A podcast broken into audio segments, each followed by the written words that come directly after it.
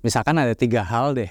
Apa sih yang membuat Mas Sam bisa meraih kebebasan finansial di usia 33 tahun dengan jalur anak kantoran tadi, Mas Sam? Oke, jadi mungkin tiga hal. Yang pertama adalah portfolio. Jadi memperbanyak portfolio teman-teman sebagai anak kantoran. Kemudian yang kedua, nah ini agak kontroversial ya, tapi buat saya, kalau saya tuh ngelihatnya eh, yang namanya quarter life crisis itu dulu kan nggak ada ya, dulu adanya midlife crisis. Nah kalau quarter life crisis tuh agak beda. Jadi kita tuh bukan perubahan gaya hidup, tapi kita disebabkan oleh um, too much information, information overload, dan saringannya nggak ada. Kita berpikir semua yang kita lihat tuh benar. Sebenarnya kapan sih waktu yang tepat untuk mengajukan resign? Kita harus pikirkan pertama-tama, saya selalu kaitkan ke goal ya, goal karir kita sendiri apa.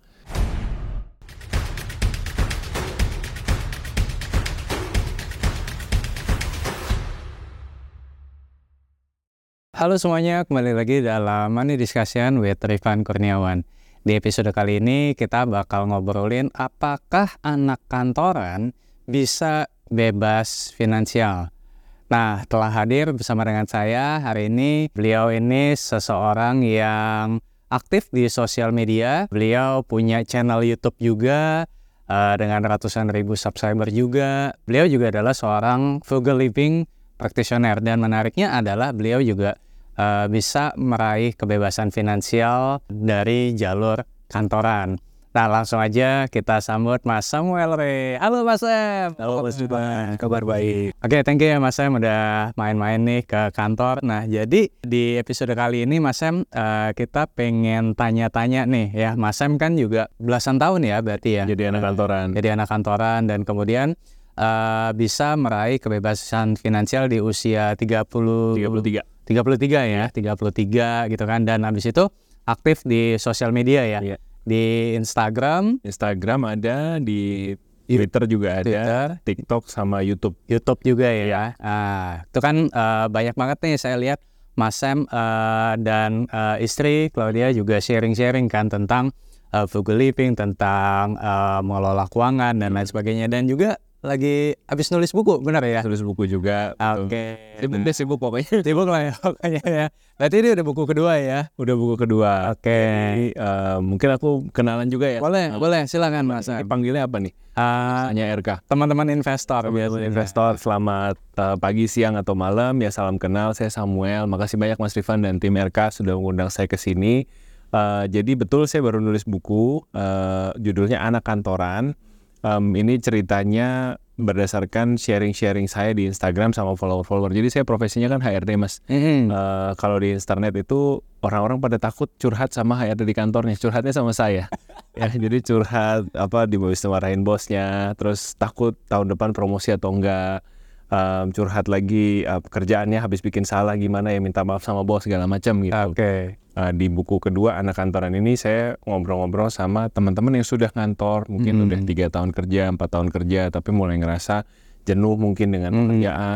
Atau merasa apa nih challenge selanjutnya buat saya? Saya mau dong dipromosi gimana sih caranya? gitu. Hmm. kemudian juga sedikit uh, kerjasama juga dengan HRD Bacot. Ini juga satu akun Twitter yang besar juga bukunya. Um, udah bisa teman-teman dapetin di semua toko-toko buku. Tapi kalau mau beli yang ada merchandise dan bertanda tangan penulis um, linknya ada di uh, bio saya atau mungkin taruh di bawah nanti. Boleh, nanti uh, linknya kita taruh di kolom deskripsi. Yes, begitu ya, cerita okay. singkat tentang bukunya. Mantap. Ya nanti kita tanya-tanya lagi ya tentang uh. bukunya. Nah anyway, eh, jadi gini Mas Sam, nih uh, pasti banyak teman-teman yang berpikir ya kalau hmm. kita bicara soal uh, bebas finansial atau uh, financial freedom itu kan uh, erat kaitannya dengan pengusaha entrepreneur, wirausaha, ya kan?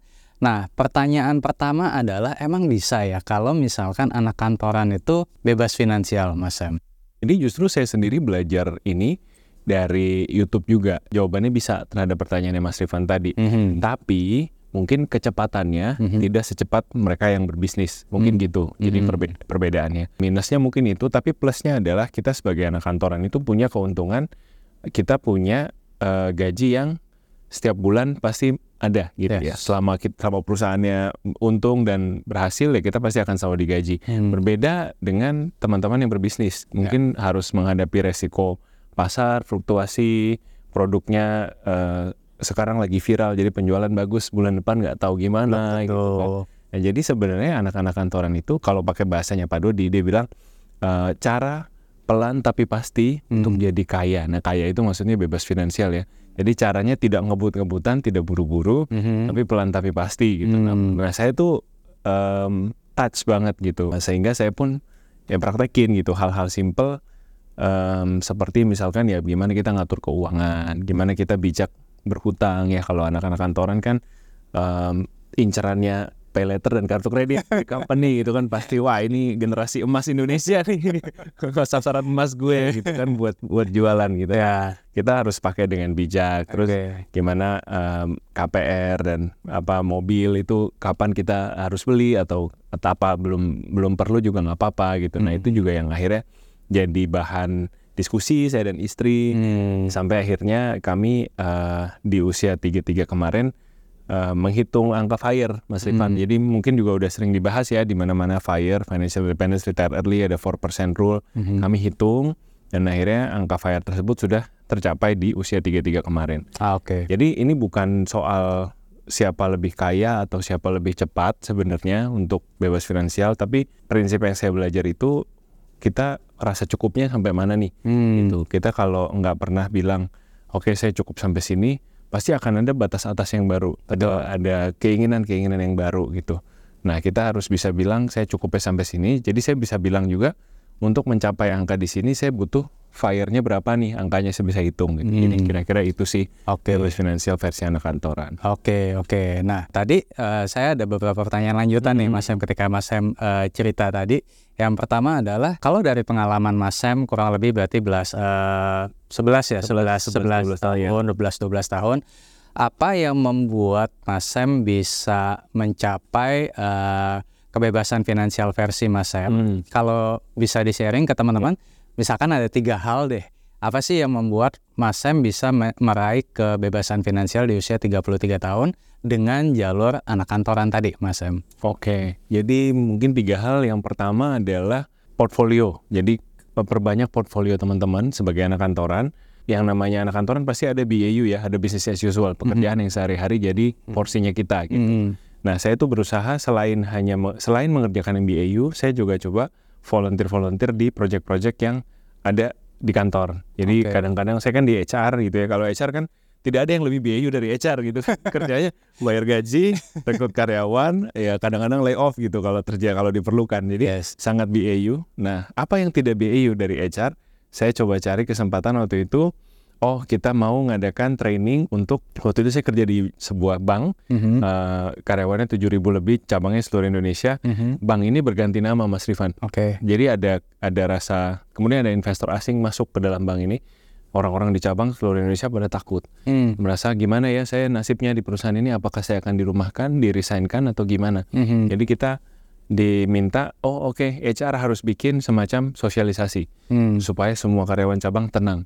Ya, Hmm. akhirnya saya ya antara volunteer antara ditunjuk paksa gitu ya mungkin karena tahu saya orangnya mauan gitu kan. Ya udah saya untuk oke bikin satu project em, sosialisasi kita panggil kepala cabangnya ke Jakarta kita kasih makan kita kasih sesi training tenang saja tidak ada cabang yang ditutup bla bla bla Ah. sosialisasi eh, bagian dari merger and acquisition dari bank itulah gitu Oke. nah kita setelah selesai sosialisasi selesai gitu ya Mhm. Buat bank itu hanya satu episode tapi buat Samuel itu jadi portfolio Hmm. Oh, saya pernah melalui masa-masa M&A satu bank multinasional dan saya melakukan bla bla bla.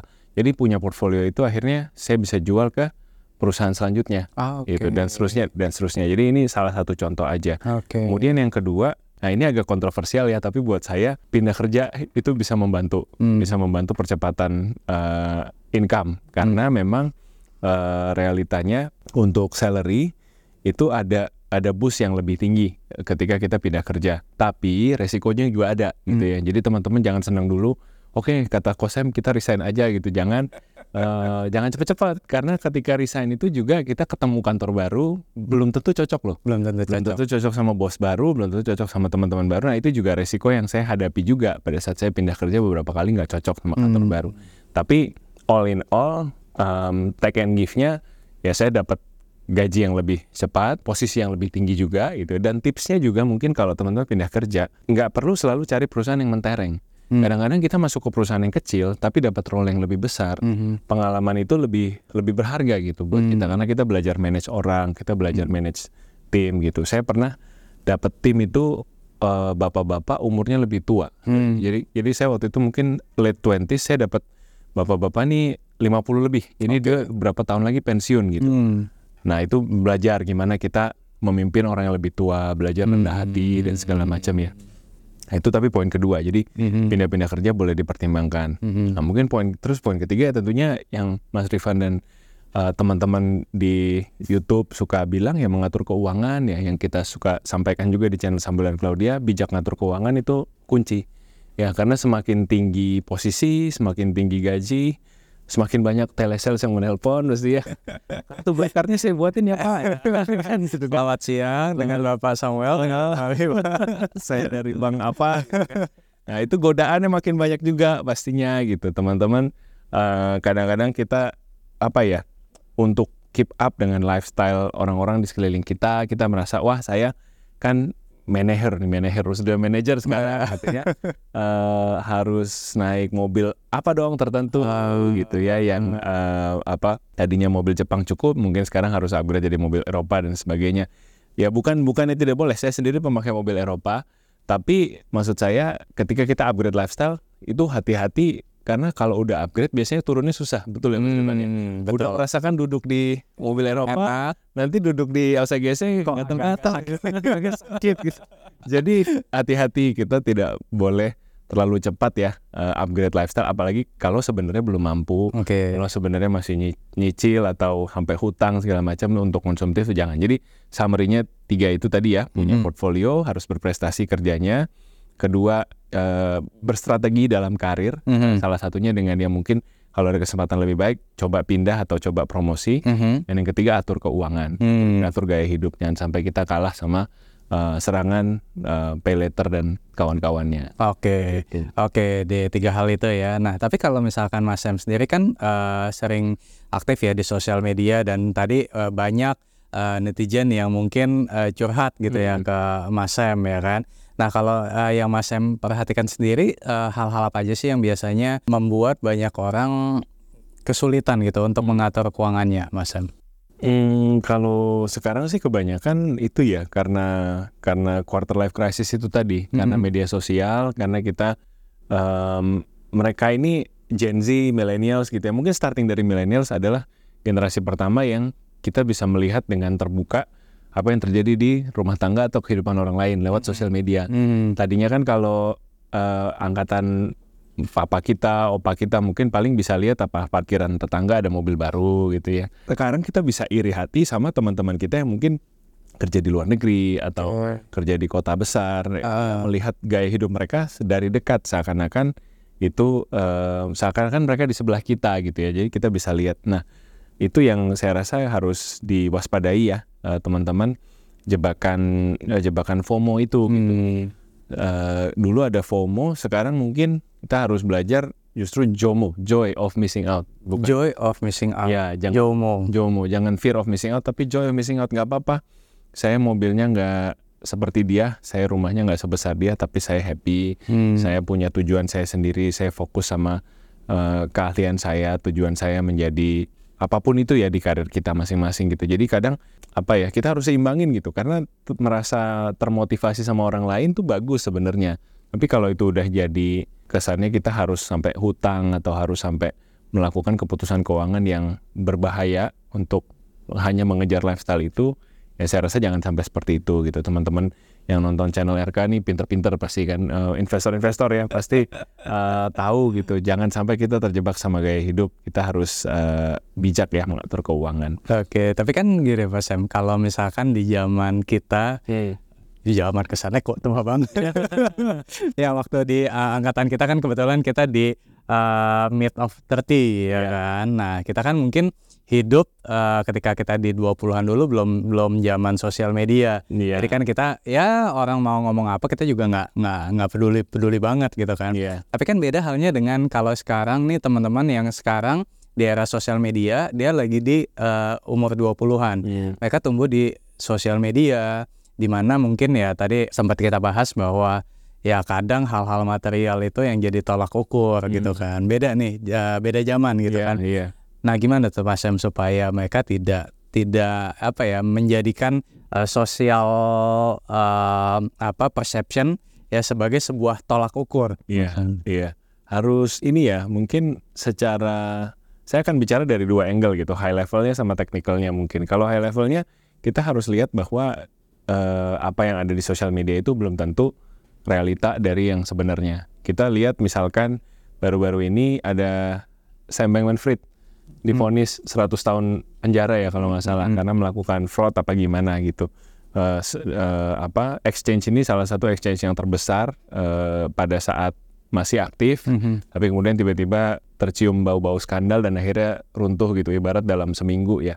Nah si orang ini Sam Bankman-Fried ini tadinya masuk ke Forbes 30 Under 30 cover majalah gitu ya jadi figur inspiratif dan em, kalau bilang eh, iri sama orang di sosial media ya mungkin ada juga orang-orang yang iri iri sama hidupnya dia gitu. Tapi ternyata di balik itu kita lihat ada cerita lain yang eh, terjadi gitu. Jadi mindset besarnya selalu eh, protect diri kita gitu ya. Bilang bahwa tidak semua nih yang ada di sosial media itu nyata. Hmm. Terus yang kedua eh, dari sisi teknikalnya saya coba eh, mempelajari pola saya mengkonsumsi konten kalau saya gitu. Mm-mm. Jadi saya coba mengkontrol agar sosial media ini jadi bagian dari hari saya bukan dia bisa em, apa seenaknya saja masuk ke dalam kegiatan saya sehari-hari gitu. Hmm. Contoh praktisnya ya notifnya saya matiin. Hmm. Notifikasi saya matiin di handphone saya itu yang hidup cuman WhatsApp notifikasi. Mhm. Jadi Instagram eh, dan lain-lain dan bahkan sekarang kan e-commerce ya, e-commerce notifikasinya nyala gitu. Saya suka bingung di kantor kan suka bunyi eh, yang hijau atau yang oranye gitu. Tokopedia, Shopee gitu. Saya bingung kenapa dinyalain ya notifikasi e-commerce gitu. Emangnya nggak ada yang nyariin ya? Nggak ada yang nyariin dihidupin di e-commerce-nya gitu. Ada pesanan. Ada ada. Oh dari toko ya. Ya, Cuman kalau order masuk. ya kalau itu kalau itu oke lah ya. Cuan gitu ya cuan. Nah jadi dimatiin notifikasi terus batasi waktu kita di di sosial media. Ini mungkin cerita parenting dikit ya. Mhm. Em, saya juga kayak kadang tuh kalau lagi main sama anak anak kan umur 4 tahun perempuan lagi lucu-lucunya. Kadang tuh kayak ini saya videoin apa saya enjoy the moment ya? Ya. saya handphone saya jauh sih tapi kalau saya nikmati sekarang dia lagi ketawa sama saya saya bisa nikmati momen ini gitu sebenarnya. Iya. jadi ya struggle juga sih Mas Rifan em, seperti teman-teman gitu cuman mungkin kalau kita ke anak gitu ya eh, episodenya udah beda tapi intinya em, jangan jadikan sosial media tuh segalanya gitu Oke oke. Mas Em, tadi kan ada eh, apa ada poin kedua ya kalau nggak salah selain pindah kerja tapi juga promosi ya Hmm. untuk bisa mempercepat seseorang mendapatkan income Hmm. ya kan. Mungkin kalau dari Mas Em pengalaman dulu juga eh, banyak berkecimpung di dunia HRD sebenarnya apa sih yang membuat eh, orang itu bisa naik level lebih cepat Mas Em? Oke, em, ya saya akan lihat mungkin pertama-tama ya eh, akan akan dilihat memang pendidikan sih. Hmm. Eh, saya datang dari perusahaan mungkin ya bisa dibilang rata-rata perusahaan TBK, perusahaan besar. Jadi memang kalau perusahaan besar otomatis peminatnya juga besar gitu ya, Hmm, yang hmm. mau lamar banyak. Jadi memang mau nggak mau eh, pendidikan jadi faktor yang eh, kita lihat juga screening itu asal kampus dari mana, IPK-nya berapa, itu kita Hmm. lihat prestasinya apa di di kantor. Hmm. Tapi itu hanya titik mula gitu. Hmm. Nah, setelah teman-teman udah bekerja, setelah teman-teman udah berkarir, tentu tadi ya kita lihat portfolionya seperti apa, kemudian attitude-nya di kantor seperti apa, Hmm. eh, dan memang em, kalau promosi itu berarti kan kita harus jadi orang kepercayaan gitu ya, Hmm. dari bos kita, dari bos kita karena eh, dia pun punya bos lagi di Hmm. atasnya gitu. Hmm. Dia harus tahu bahwa oh kalau ada Samuel di sisi saya, hidup saya lebih mudah gitu. Nah itu gimana caranya teman-teman dapatkan eh, bisa meyakinkan atasan? Nah itu sebenarnya seninya masing-masing ya mas ya. Hmm. Karena tiap bos kan pasti stylenya beda-beda. Ada yang kepengen dikasih report secara detail, Hmm. ada yang tipenya tahu beres. Udah lu nggak usah briefing gua macam-macam. Pokoknya Hmm. eh, Pak Direktur datang nanti senyum ya gitu. Acara beres, lu bagus gitu. Jadi kita juga harus pinter-pinter baca bos kita, ya, Hmm. baca situasi di kantor, em, teman-teman di kantor seperti apa dan ya promosi sebenarnya eh, seni juga karena Hmm. kita nggak bisa selalu bilang saya kan paling perform di perusahaan ini, jualan saya paling bagus, kenapa yang dipromosi dia misalkan gitu. Itu juga susah kita susah kita bilang eksaknya karena bukan matematika satu tambah satu dua gitu. Kadang-kadang ada juga faktor-faktor lain yang membuat orang eh, ya kita lebih nggak apa-apa deh kita promosi dia dulu soalnya orangnya humble, kayaknya orangnya oh, yang satu orangnya eh, terlalu ambisius, terlalu agresif itu juga bisa jadi satu faktor penilaian juga. Karakteristik karakteristik berarti ya. bisa juga pengaruh sih. Berarti bukan cuma hard skill, tapi juga soft skill dan karakteristik juga mempengaruhi ya. Iya betul. Oke, Mas Sam, eh, ini mau nanya lagi nih eh, soal quarter life crisis.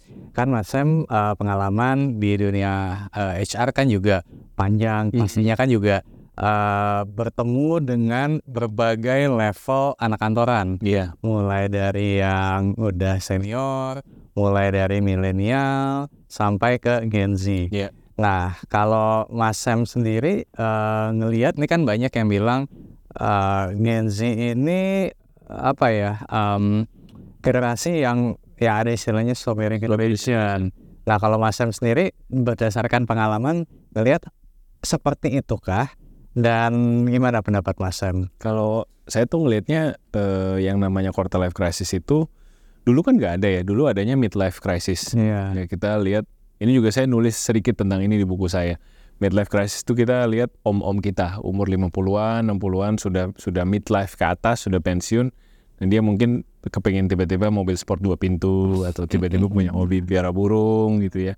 Jadi kayak eh, perubahan katanya sih kalau apa eh, literaturnya bilang ini perubahan drastis pada gaya hidup gitu. Hmm. yang akhirnya menyebabkan orang kayak kehilangan arah gua ngapain ya? Rata-rata kan habis pensiun udah selesai nggak? Hmm. ngapain lagi? Tiba-tiba dia jadi nyentrik gitu melakukan sesuatu yang nggak biasa.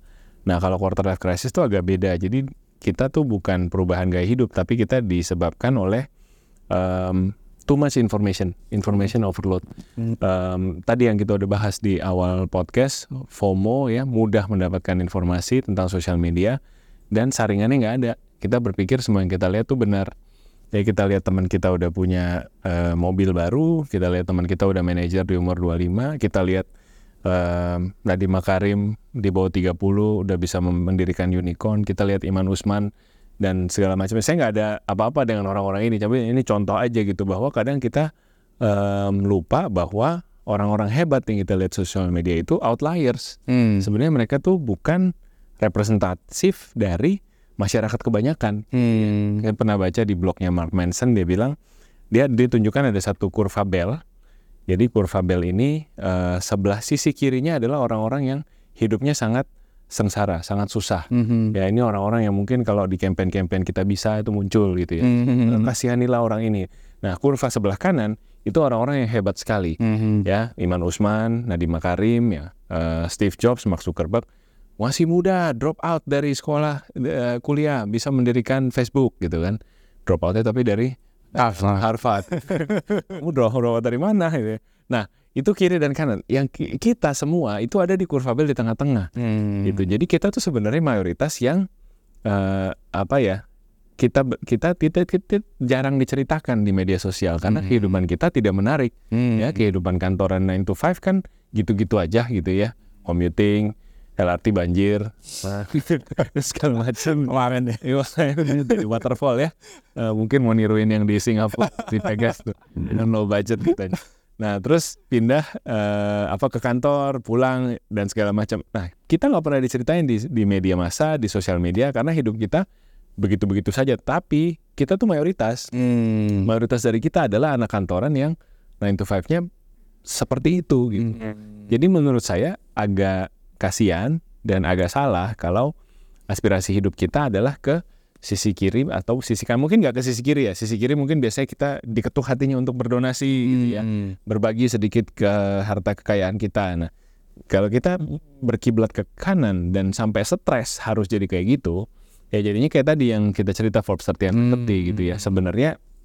sebenarnya belum belum punya apa-apa. Ya Elizabeth Terranos eh, Elizabeth Holmes ceritanya dengan Terranos atau Sam Bankman-Fried gitu ya, yang belum siap, masih terlalu muda, terlalu buru-buru, terlalu cepat mau sukses gitu ya, akhirnya ya tidak tidak diikuti dengan uh, kematangan pola berpikir, kedewasaan dan akhirnya ya kita tahu beritanya gitu ya yang Hmm. terjadi sekarang. Jadi terhadap quarter life crisis ini em, kita harus tahu penyebabnya apa ya. Kita harus belajar secara aktif. Yuk kita saring yuk Mhm. filter-filter. Kita bikin filter sosial media kita. Misalkan kita matikan notifnya sesimpel itu gitu ya. Kita unfollow orang-orang yang mungkin buat kita Jadi lama-lama jadi insecure atau jadi batu sandungan gitu ya buat saya. Lihat ini tuh kayaknya gimana gitu.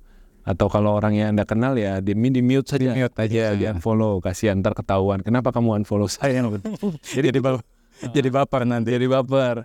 Jadi kita harus kontrol secara aktif em, sambil tapi gimana misalkan saya udah kontrol tapi saya masih merasa kayaknya saya penasaran deh eh, sama misalkan apa ya em, lihat kosem pernah kerja di luar negeri pengen juga deh kerja di luar negeri atau sekolah di luar negeri nah kadang-kadang ada rasa penasaran ada rasa em, keingintahuan yang besar nah terhadap itu yang udah tersisa itu ya tadi Mhm. kita udah filter kan yang FOMO-FOMO yang tersisa itu coba teman-teman beneran lakukan Mhm. Ya, jadi saya cerita di buku saya juga, waktu saya sudah kerja di Indonesia, pulang dari Jepang kuliah, sudah dua tahun kerja, itu saya mulai eh, iri hati sama teman-teman yang kerja di Jepang. Hmm. Karena teman-teman kuliah orang Indonesia yang kerja di Jepang juga ada beberapa dan mereka kayaknya keren ya hidupnya gitu, Hmm. kerja di luar negeri dan segala macam.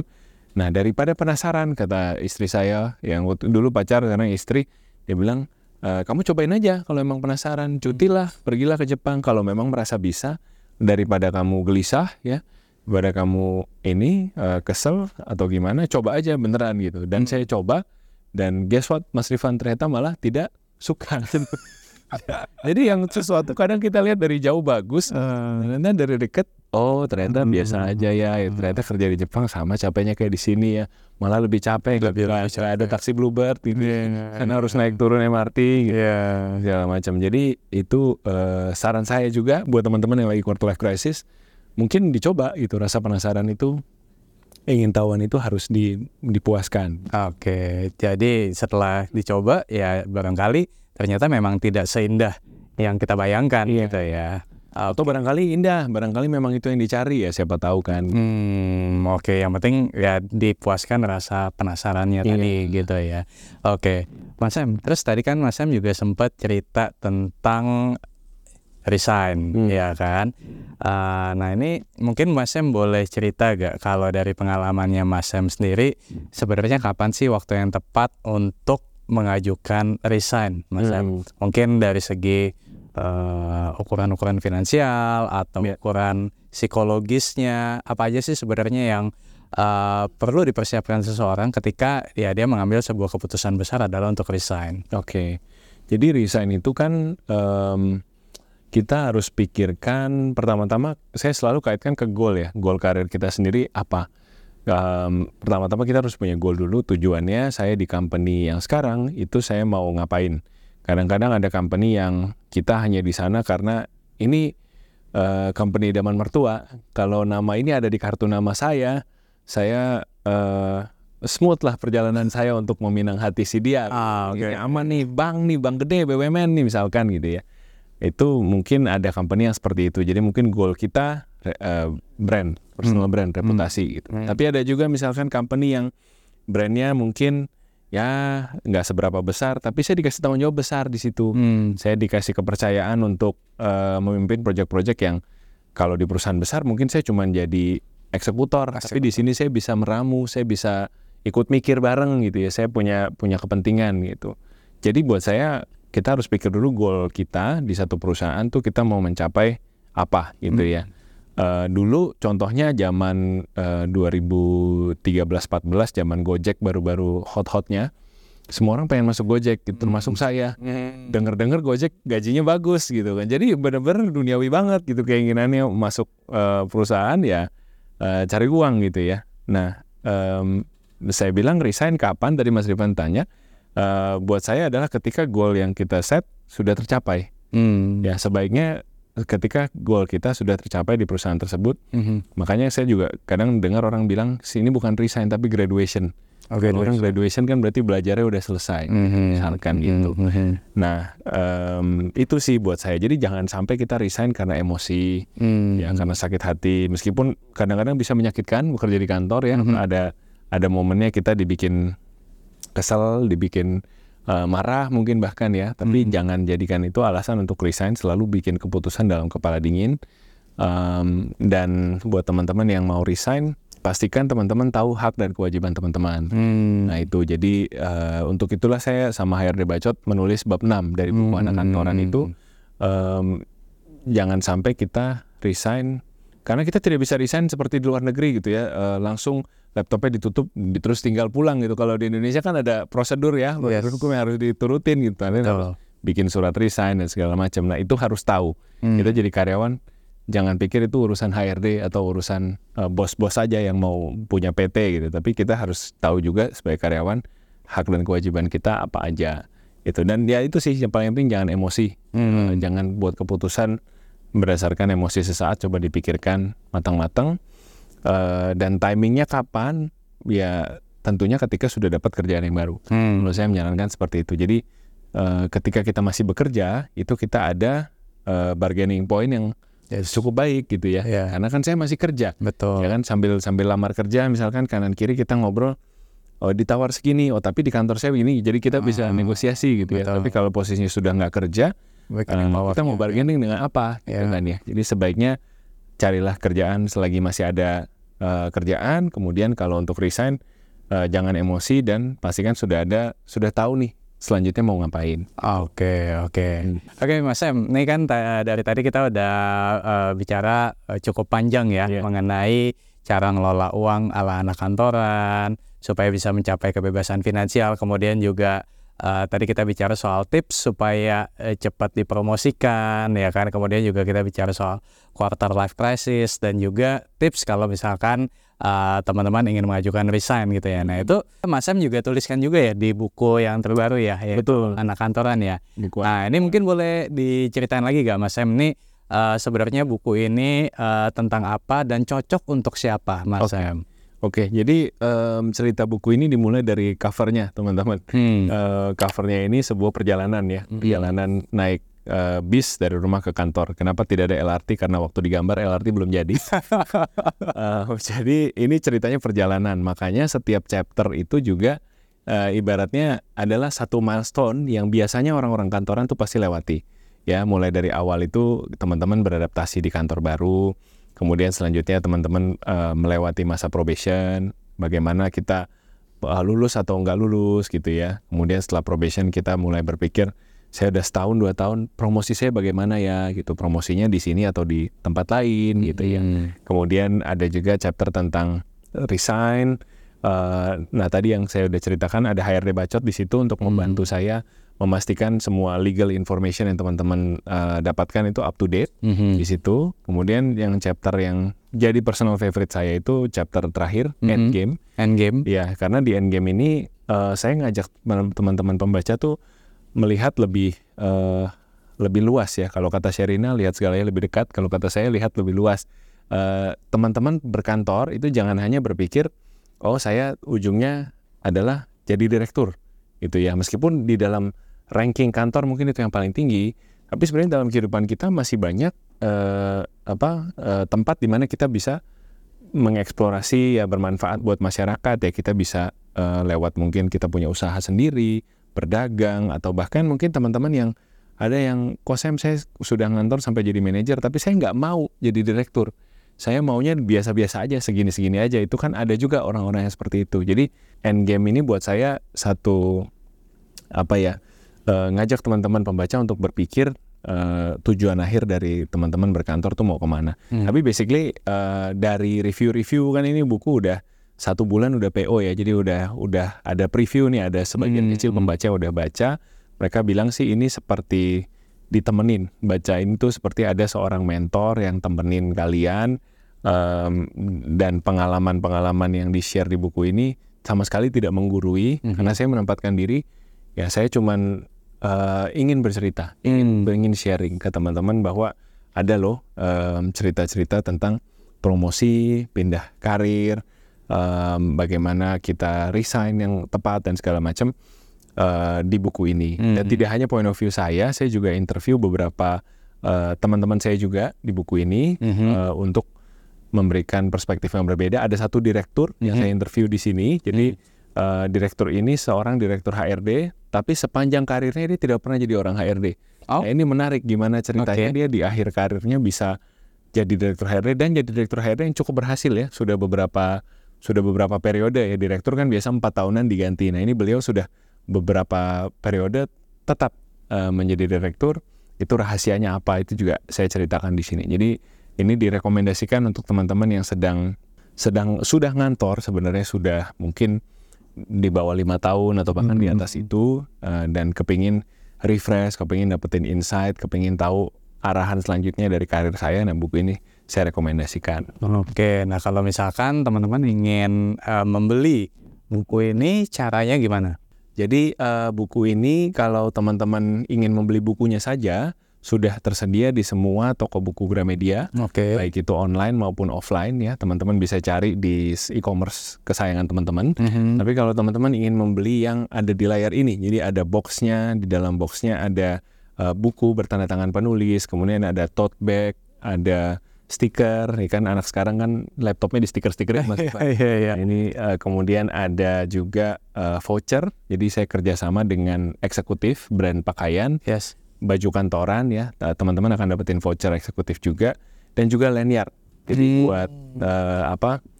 gantung-gantung bukan beban hidup ya buat gantung kartu ID card Ah, ah, kan. nama gitu ya atau kartu Akses. money akses itu juga bisa dipakai nah teman-teman bisa dapetin di eh, link yang ada di bio saya atau di link yang di bawah ya Oke. di description box di bawah Oke, nanti kita taruh di kolom deskripsi.